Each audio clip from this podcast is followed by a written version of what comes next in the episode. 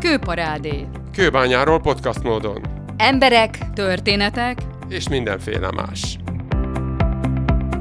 Egy forradalmát köszöntetünk a stúdióban, ugyanis dr. Szélrita néhány nappal ezelőtt a Magyar Művészeti Akadémia igen jeles elismerésében részesült, és az indoklásban szerepelt, hogy ez a bizonyos elismerő oklevél, ami művészetpedagógiai kutató kategóriában született, ez bizony egy elhivatott sokoldalú eredményes zene és táncoktatói munkájával, egyetemi képzéseivel és mesterkurzusaival, a sajátos kutatási területen nyújtott teljesítményével, továbbá publikációival forradalmasította a zene és táncoktatást. Hát azért ez nem semmi, nem igaz? Szóval milyen dolog forradalmának lenni? Mindenképpen kell hozzá egyfajta kíváncsiság. Meg talán a véletlen is, hogy rátaláltam erre a területre, hiszen a régi táncok anyaga ezer szállal kötődik a régi zenéhez, és zenészként éltem azt meg, hogy mennyi kérdés merül fel az emberben, amikor például tánctételeket vagy egy-egy szvittet játszik és tulajdonképpen a véletlen játszott a kezemre, amikor Bécsben folytatott tanulmányaim során egyszer csak láttam a kiírást a hirdetőtáblán, hogy historise tence, historikus táncok, és mivel mindig is szerettem táncolni, és érdekelt a táncművészet, természetesen jelentkeztem erre a kurzusra és Bécsi mesteremnek, Éva Campianónak köszönhetem azt, hogy megismertetett ezzel a területtel, és egy kicsit ráláttam arra, hogy milyen is a táncoknak a gyakorlata, amelyeket hangszeren játszunk.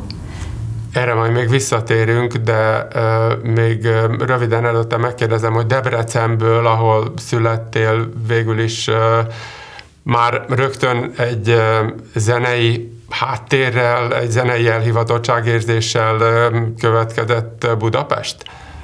Igen, ez így van.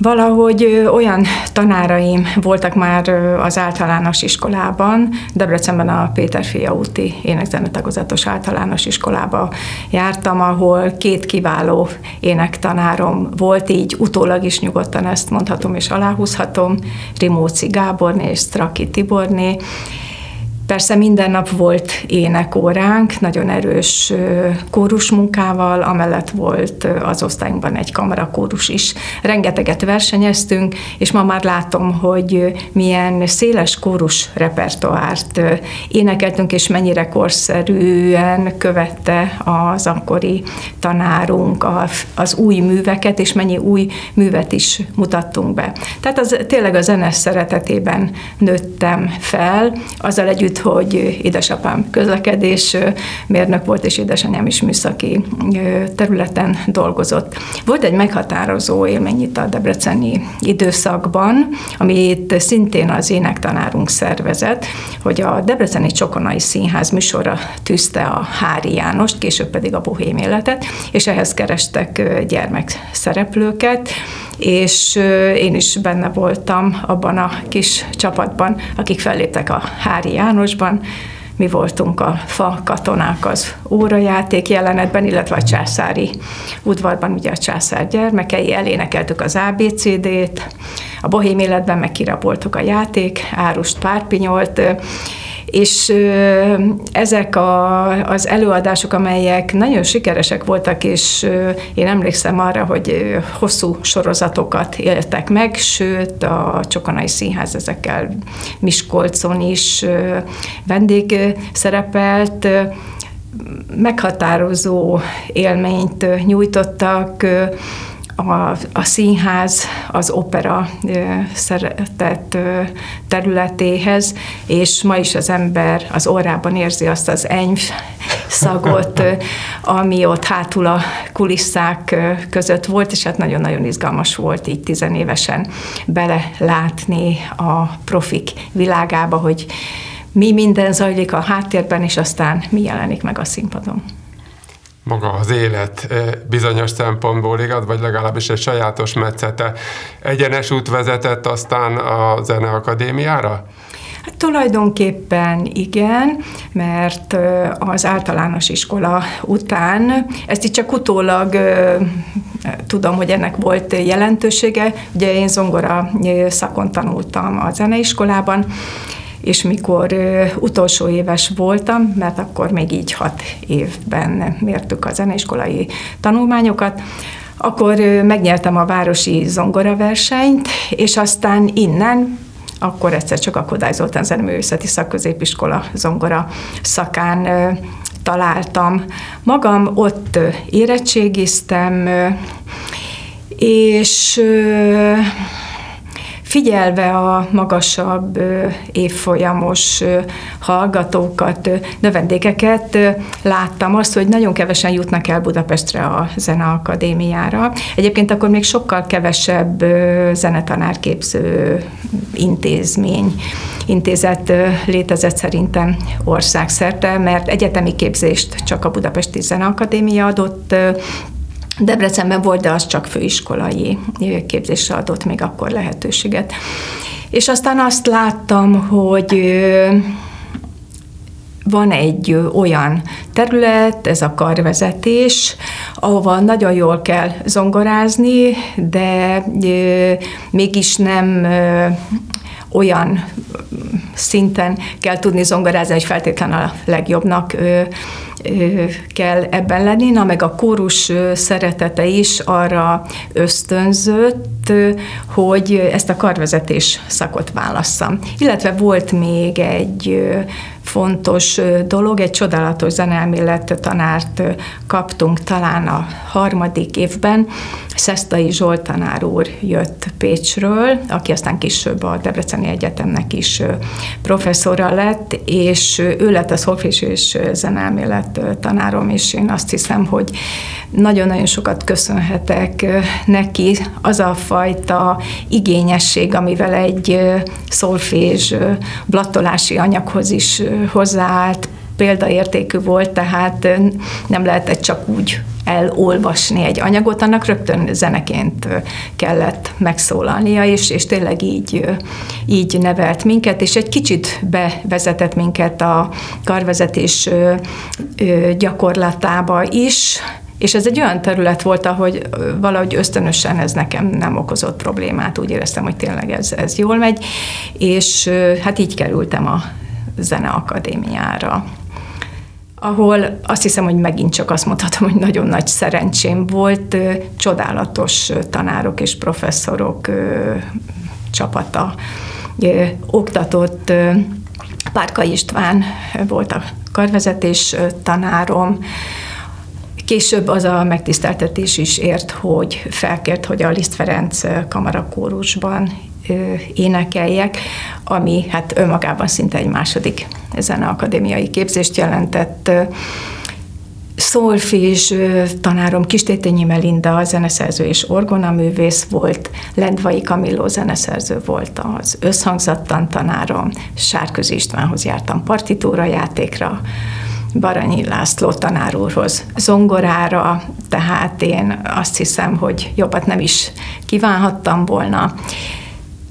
És a régi zene is nagyon hamar megjelent, ugyanis az egyik évfolyam társam szervezett így közülünk egy ilyen kis reneszánsz énekegyüttest,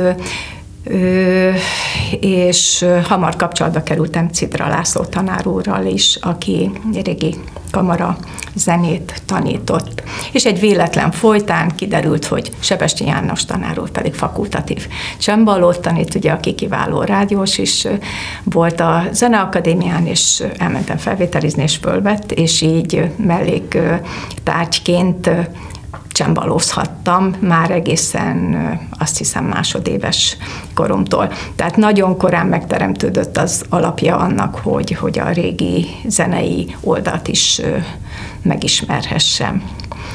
És hát így elteltek, elröpültek a zeneakadémiai évek, és éreztem, hogy nem szeretném a tanulást abba hagyni, meg valahogy nem szeretnék innen elkerülni, annyira jó volt zeneakadémistának lenni, és fantasztikus élmény. Hát azok a koncertek tényleg mindenhova mehettünk, Erkel Színház, Zeneakadémia, opera, tehát egy egészen kiváló feltöltődési lehetőséget jelentett, és ugye itt 70-es évek vége, 80-as évek eleje nagyon sok világsztár megjelent akkoriban Budapesten, és óriási élmény volt, hogy a bakelit lemezek mellett, vagy a rádió mellett, hiszen akkor ezek voltak még a források, ne felejtsük el, élőben is lehetett ezeket a csodálatos művészeket meghallgatni.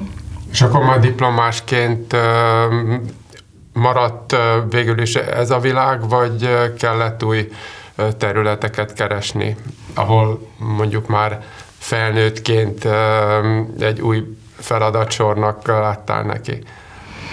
Hát elkezdtem tanítani, ugyanis pontosan a Liszt Ferenc Kamara kórusban mellettem ülő szólamtársam, az alt egy szólamból itt tanított Kőbányán szolfést, és ő ö, vidékre költözött, és akkoriban az volt a szokás, hogy úgy illet, hogy akkor az ember vitt maga helyett valakit. És akkor egyszer csak így egy próbál megkérdezte, hogy nem akarok-e itt szolfés tanár lenni, és ugye éppen akkoriban kellett volna így kicsit tájékozódni, hogy hol is helyezkedik el az ember, vagy milyen munkát végez, és akkor mondtam, hogy de, és akkor egyszer csak kijöttem kőbányára, és Csák Gyöngyvér fogadott az igazgatói székben, és hát természetesen fölvett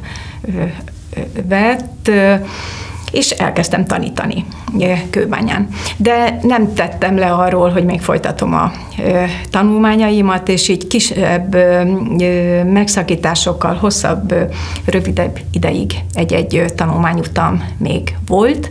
Hát többek között ez a Bécsbe vezető csembaló tanulmányok, ugyanis nagyon szerettem volna tovább lépni. De akkor még a Zeneakadémián nem volt ilyen szak, tehát csak fakultatív tárgyként lehetett ezzel foglalkozni, és Bécsben volt egy nagyon híres tanár, Izolde Algrim, akinél annak idején Pert is Zsuzsa Liszt Ferenc kamarazenekar kontinó játékosa is tanult, meg még valakiről tudtunk, Ruzicsková tanított Prágában, az egy kicsit másféle előadói irányvonalat képvisel, tehát én nagyon szerettem volna Bécsbe kerülni, és aztán ö, sikeres felvételi vizsgát tettem, és egy bécsi ösztöndi segítségével tulajdonképpen egy évig így folyamatosan kint lakva tudtam tanulni. Nagyon-nagyon sok tárgyat elismertek a zeneakadémiai tanulmányaimból, és nagyon hamar letehettem, tulajdonképpen egy fél év után letettem az úgynevezett Übertrittsprüfungot, ami egy ilyen átlépő vizsgát jelent a művészképzős osztályokba. És hát válogattam a lehetőségek közül, Természetesen jártam kamarazenére, különböző billentyűs hangszerrel kapcsolatos ismeretekre, illetve erre a historikus táncok kurzusra. Itt ezt tulajdonképpen hogy kell elképzelni, hogy elméleti háttér is van, meg gyakorlat is van, szóval a tánc az teljes egészében megjelenik az oktatásban? Tehát hogy a, a kinti historikus Igen. táncok. Ez az egy teljesen gyakorlati, tulajdonképpen egy táncóra volt, a táncóra volt, és a tanév folyamán néhány tánc típust vettünk végig, és arra kis, egyszerű koreográfiákat tanultunk.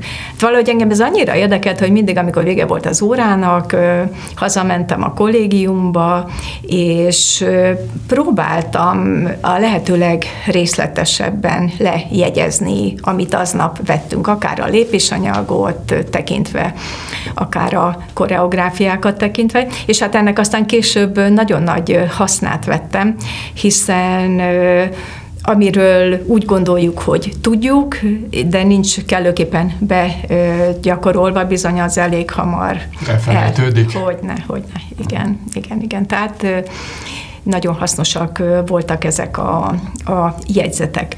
Hát idő kellett ahhoz egy pár év távlata, hogy lássam azt, hogy tudok bizonyos dolgokat, de hát ez egy nagyon kis morzsája lehet annak, amennyi kérdés itt még megválaszolásra vár. És hát körülbelül 1985-ben kezdtem el azt, hogy magam is összegyűjtök táncforrásokat, hiszen ezt valahogy úgy tudnám elmagyarázni, mint hogyha a zenében valaki nem tudna kottát olvasni, és ugye hallás után tanulna néhány dalt, vagy művet akár hangszeren játszani, de nem tud egyedül tovább lépni, hiszen maga a kulcs hiányzik, és hát ezt a kulcsot szerettem volna megszerezni és összegyűjteni. Hát ezt mondhatom, hogy évtizedekbe tellett, hiszen még nem az internet világában voltunk, tehát egyáltalán az, hogy milyen források vannak, mik a főbb tánckönyvek, vagy egyáltalán még az összeállt, hogy mondjuk a 15. század közepétől kezdve létezik olyan táncanyag, amelyhez vissza lehet nyúlni biztonsággal, azért ez hosszú-hosszú évek munkájába került. Bocsánat, hogy közbevágok, itt irattári kutatásokról, múzeumokról, egyebekről van szó? Igen, így van. Tehát korabeli tánckönyvek, de vannak kéziratok, amelyek csak kéziratos formában jelentek még meg. Nagyon nagy előrelépést jelentett, amikor Brémában tanulhattam néhány hónapig. Ott van egy speciális régi zenéjével és tánccal foglalkozó intézet, és valószínűleg ott is szerencsém volt, hogy jókor voltam ott, ugyanis az egész csapat átment tavasz folyamán az akkori Nyugat-Berlinbe. Ez azt hiszem 88-ban volt, ahol egy tíznapos régi tánc sorozatot tartottak, ami azt jelentette, hogy napközben tánckurzusok voltak, este pedig különböző nagyon híres együttesek a világ minden pontjáról jöttek és előadásokat tartottak. Tehát hirtelen így kitárult a világ, és, és Francine Lancelot jött a Rie Danserivel Párizsból, vagy Engine Faves Los Angelesből, de ott volt Barbara Spart is, aki pedig a 15. századnak a specialistája volt. Tehát az egyes tánc területeknek a legnagyobb specialistáival találkozhattam, és ez egy óriási lökést adott. És a brémai időszaknak azért is nagyon hálás vagyok, mert nagyon-nagyon sok forrás az ottani könyvtárban megvolt, ott akkor már azokat lehetett fénymásolni, tehát így indult el a táncanyagnak a gyűjtögetése tulajdonképpen. És aztán ez vezetett a doktori diszertáció felé is?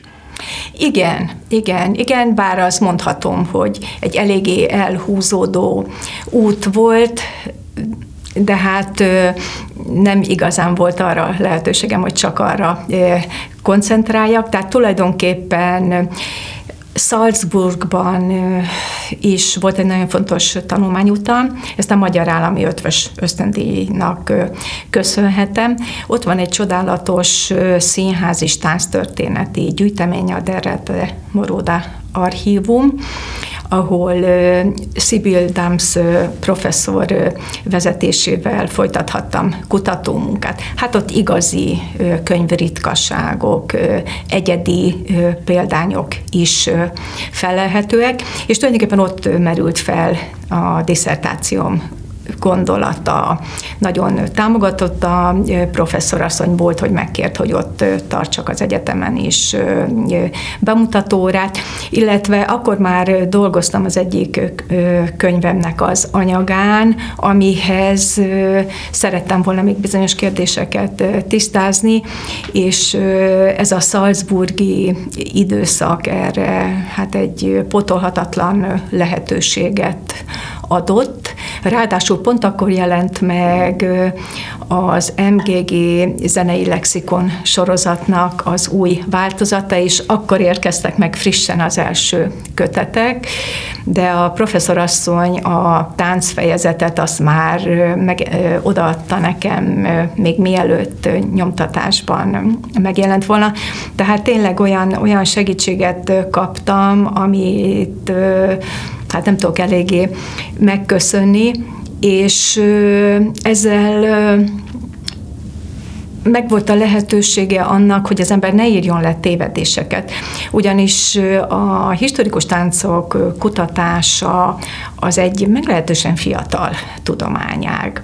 Az kétségtelen, hogy elindult nagyon erőteljesen a 20. század elején, de nagy lendülettel inkább a második világháború után, de azt magam is csak jóval később láttam, hogy azzal nem voltam tisztában, hogy én mennyire korán kapcsolódtam ebbe be. Tehát ott a 80-as években tényleg, tényleg szinte forradalmi fejlődés volt az, az egész területen, mert hirtelen rájöttek a szakemberek, hogy mennyi forrás van, mihez kell nyúlni, meg aztán megjelent a baroktáncok tekintetében két olyan lexikális munka, amelyek már összegyűjtötték a forrásokat, és akkor egyszer csak látta az ember leírva, hogy most például francia forrásokban rendelkezésre áll több mint 500 koreográfia. Tehát tudtuk, hogy egyáltalán mi az, amit kereshetünk, és akkor így a lexikon segítségével, mivel azok dallam kezdeteket is megadtak, már nagyon jól rá lehetett keresni egy-egy tánctípusra, vagy akár egy-egy zenére, utána lehetett nézni, hogy az a koreográfia esetleg melyik színpadi műben van feldolgozva, vagy esetleg, hogy egy olyan tánccal állunk szemben, amelynek meg nincsen zenei feldolgozása, mert azok is számosan akadnak. És mindeközben itt volt Kőbánya a zeneiskola, igaz? igen, igen, igen. Folyamatosan tanítottam. A 90-es években kaptam azt a lehetőséget a zeneiskolában, hogy a magánének tanszakon legyek elmélet tanár. És ez úgy tűnt, hogy nagyon testhez álló is, és nagyon szívesen is csináltam. Hornokné német Luisa énektanárral évtizedeken át, hogy úgy mondjam, összedolgoztunk, hiszen ő énekesek generációit nevelte ki, akik vagy elmentek szakiskolában, nagyon sok növendéket rögtön innen a zeneiskolából a felsőoktatásba jutattunk el, de voltak, akik az opera kórusba vagy más professzionális énekkarokba felvételiztek. És mint ahogy ez az énekeseknél előfordul, elképzelhető, hogy gyerekkorukban nem tanultak zenét, de felnőtt korukban pedig kiderül, hogy csodálatos hanganyag van, de nincs meg hozzá az zenei műveltség, nem tudnak kottát olvasni. És az volt a feladat, hogy nagyon gyorsan, hatékonyan kellett őket óriási léptekben felkészíteni. Mindig hozták azokat az áriákat, dalokat, amelyeket éppen vettek énekorán, és hát tulajdonképpen úgy is dolgoztunk, tehát az óra egy részében szinte én voltam a korrepetitor, és bizony sokszor hangról hangra, ütemről ütemre tanultuk ezeket a dolgokat, és aztán próbáltam nekik ezt lefordítani a zene nyelvére, és valóban két-három év alatt szinte nagyon-nagyon magas szinten meg tudtak tanulni kotát olvasni, hiszen felnőtt fejjel, meg azzal az akarással, azzal az érteklődéssel, ami volt bennük, nagyon nagy léptekkel lehetett haladni. Tehát egyéni képzési programokat kellett létrehozni, de ez, ez nagyon nagy örömet jelentett. Ugyanakkor, mint zongoristát, vagy mint billentyűs játékos, ez nagyon jól karban tartott ez a folyamatos blattolás. És aztán ez akkor ezek szerint egy természetes közeg volt ahhoz, hogy aztán az intézmény vezetője legyél. Nem tudom, hogy innen jött-e, az kétségtelen, hogy a 90-es évek elején megkérdezett engem az akkori igazgató, hogy nem vállalnám-e el, hogy helyettes legyek mellette. Hát akkor nemet mondtam, és jó 15 év múlva volt az, hogy azt mondtam neki, hogy akkor esetleg térjünk vissza ehhez a gondolathoz. Nem akartam akkor még elvállalni, mert annyi minden mást szerettem volna csinálni, és tudtam, hogy ez egy teljes lekötöttséget jelent, bár kívülről nézve azt hiszi az ember, hogy minden csak szervezés és tervezés kérdése, de ez az iskola vezetői munka, ez, ez tényleg ez 24 órás. És van ott ezer diák, hogyha jól tudom.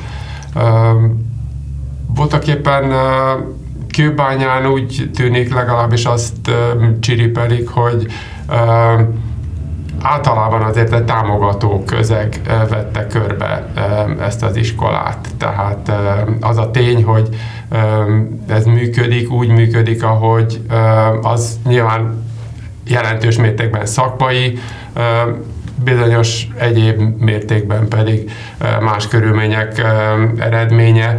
Ez hogy működött? Szóval itt jóba kell lenni az önkormányzattal, különböző testületekkel, hogy van ez? Szerencsére ez adott volt.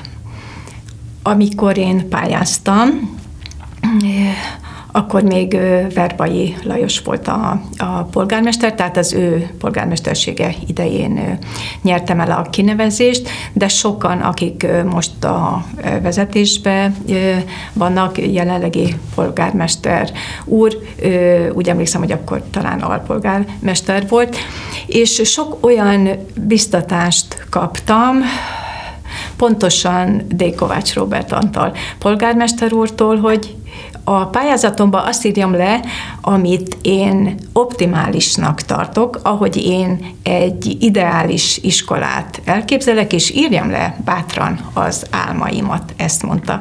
És én ezt meg is tettem, és tulajdonképpen egy olyan pályázatot adtam be, ami egy öt éves fejlesztési tervet tartalmazott.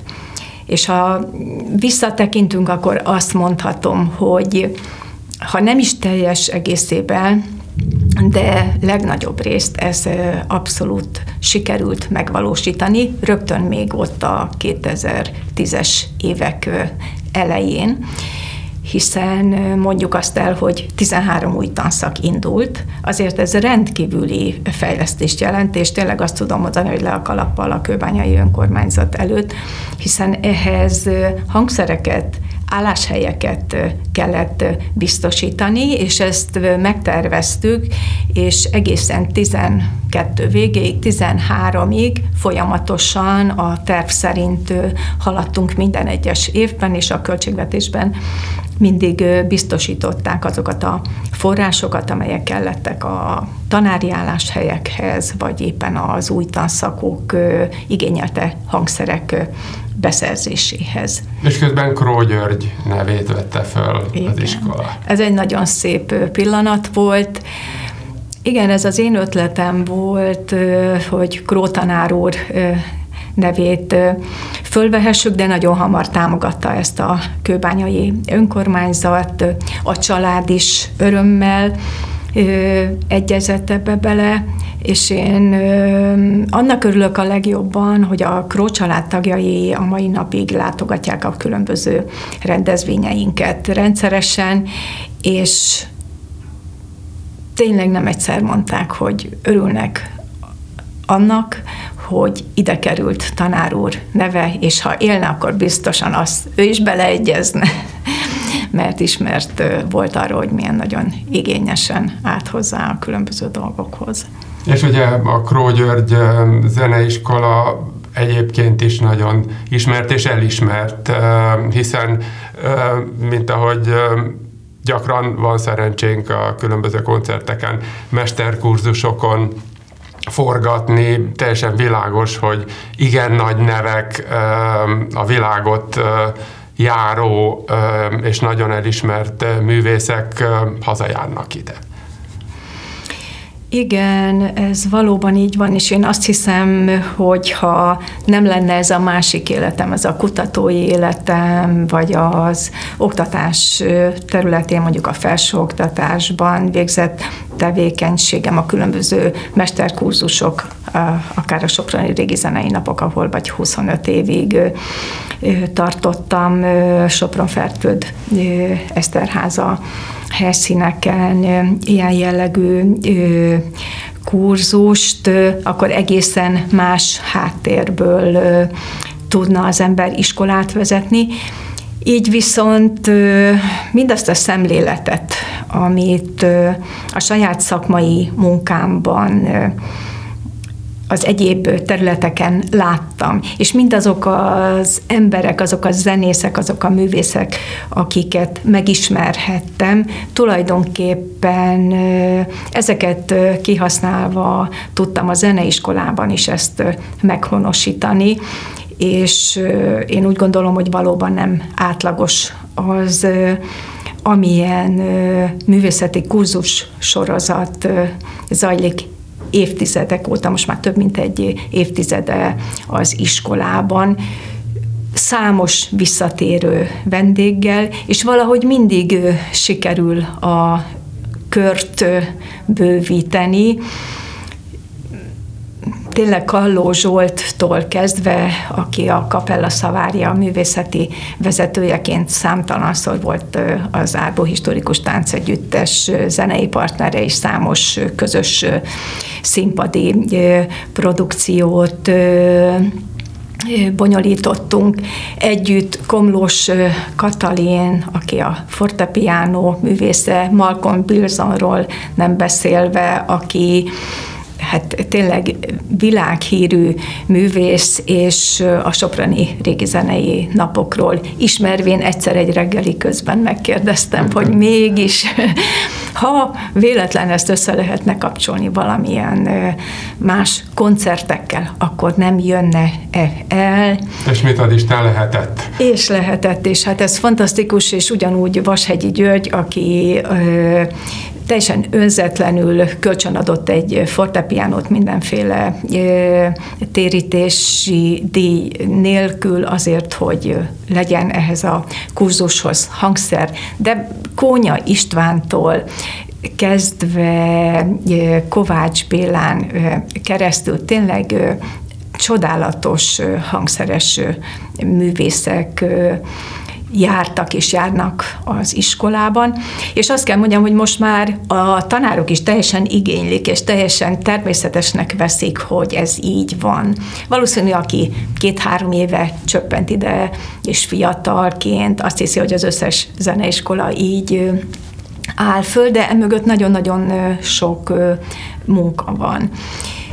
Ami az iskola arculatát tovább bővíti, az a sokféle együttes, hiszen korábban is voltak természetesen együttesek, volt vonózenekar, volt harmonika együttes, gitár együttes, egy rövid ideig talán fuvola zenekar is, de ezt sikerült úgy kibővíteni, hogy a növendékek széles köre vehessen részt a zenekari munkában, mert ez nagyon-nagyon fontos, hiszen nem minden gyerek szeret vagy tud szólóban jól teljesíteni. Azonban a, az együttesekben végzett munka az fejleszti őket a szóló oldalon is, megoszlik a felelősség, és egy nagyon kellemes közös muzsikálássá tud ez válni. Éppen nem régében ugye Balázs János megsüvegelte a Kró szimfonikus zenekarát, el volt képedve, hogy milyen jól egy pillanat alatt össze tudott hangolódni velük. Így van. Hát eleinte meredeknek tűnt az ötletem, hogy csináljunk szimfonikus zenekart. Ugye mondták, hogy ez nem szokás zeneiskolában. És akkor gondoltam, hogy, mert azért most már jövőre lesz tíz éves ez az együttes, hogy ki tudunk nevelni azért az évek során mondjuk olyan oboistákat, fagottosokat, stb. sorolhatnám mindazokat a szólamokat, amelyekben nem olyan egyszerű helytállni és szólisztikus állások vannak. Hát ez még teljesen így nem valósult meg, tehát a mai napig is az van, hogy részben a növendékeink, részben pedig a tanárok, illetve ebben az együttesben néhány vendég is van. Így tudjuk ezt az együttest kiállítani, de az összes többi együttes az mondhatom, hogy diák együttes, és a tanárok inkább a szólamok felkészítésében vesznek részt. De időközben elindult, és most már két korcsoporttal is működik, például a, a fúvós zenekarunk, nagyszerű munkát végez a fuvolla zenekar, gitárzenekar, harmonika, együttes, ifjúsági vonós együttes, és idővel a csámbaló lehetővé tette azt is, hogy barokk zenekart is létrehozunk. Tehát ezek nagyon-nagyon fontos dolgok, ezek az együttesek, és próbáltunk egy olyan program struktúrát felépíteni, ami az egész éven átível. Hát természetesen itt elég nehéz időszak volt, mint mindenki számára. Ez a Covid időszak is egy kicsit mostanra jön el talán az, amikor úgy mindenki magára talál, és visszaáll az eredeti, eredeti munka. Talán itt érdemes azt is megemlíteni, hogy két CD került kiadásra az elmúlt két évben. Az egyiken művésztanáraink játszanak, a másik pedig az együtteseink közreműködése által jött létre.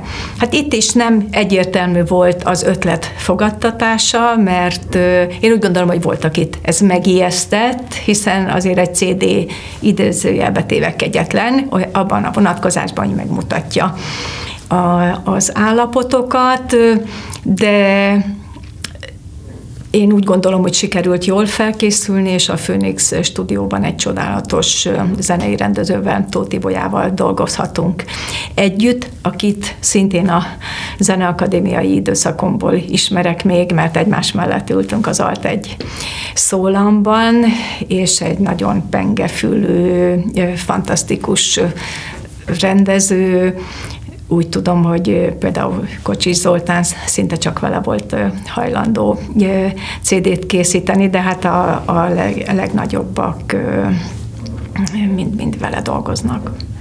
Hát köszönjük szépen, hogy lehetőséget adtál arra, hogy bepillantsuk egy kicsit a kulisszák mögé, hogy tudnilik végül is ez a bizonyos elismerés, ami egy forradalmár minősítéssel, titulussal is párosult, az tulajdonképpen miért is történt, és hogy kikapta meg. Gratulálunk nagyon sok szeretettel hozzá.